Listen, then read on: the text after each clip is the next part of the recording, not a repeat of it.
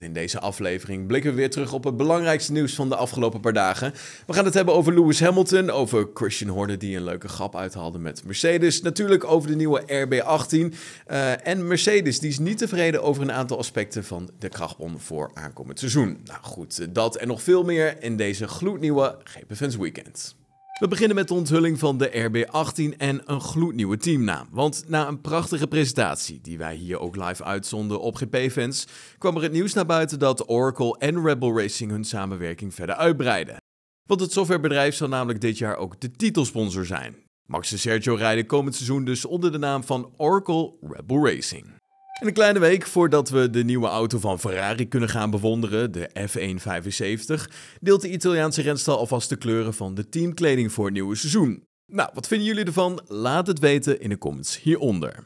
Lewis Hamilton, die voor het eerst sinds de Grand Prix van Abu Dhabi weer van zich laten horen. Op social media laat hij weten weer terug te zijn. En ja, of dit betekent dat de Brit in 2022 gewoon zal racen, dat is nog even afwachten. Maar ongetwijfeld zal hij gewoon in de auto zitten. Hoe dan ook, de radiostilte is doorbroken.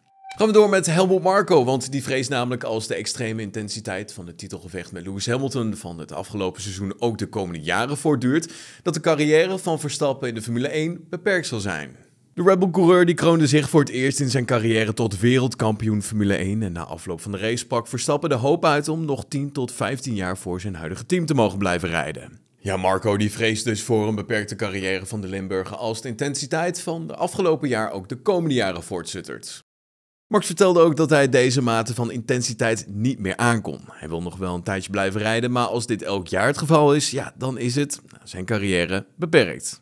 En Christian Horner die mag binnenkort een bezoekje brengen aan de fabriek van grote concurrent Mercedes. De Rebel Racing teambaas die bood tijdens de Autosport Awards met succes op een rondleiding door de thuisbasis van Mercedes in Brackley. Na de ceremonie werd er een veiling voor het goede doel georganiseerd en Mercedes bood hierbij een rondleiding door de fabriek in Brackley aan.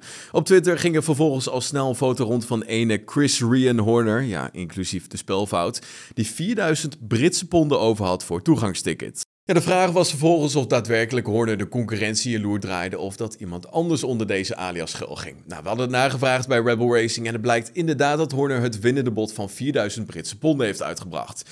Ja, of hij nou daadwerkelijk ook een bezoekje gaat brengen aan de fabriek, dat is nog niet helemaal bevestigd.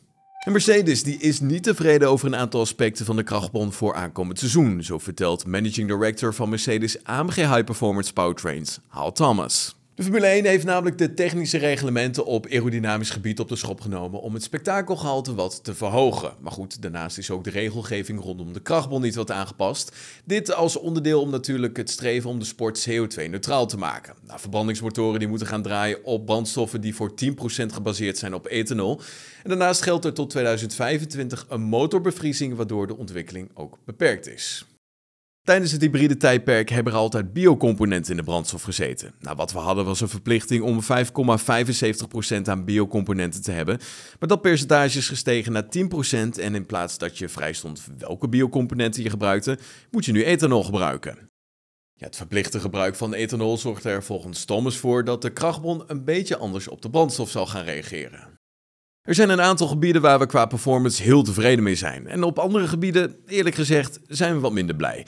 Wat we moeten doen is de brandstof aanpassen waar we kunnen en de krachtbronhardware aanpassen waar we kunnen om de effecten van de dingen die we leuk vinden te maximaliseren en de effecten van de dingen die we niet leuk vinden te minimaliseren. Aldus, Hal Thomas.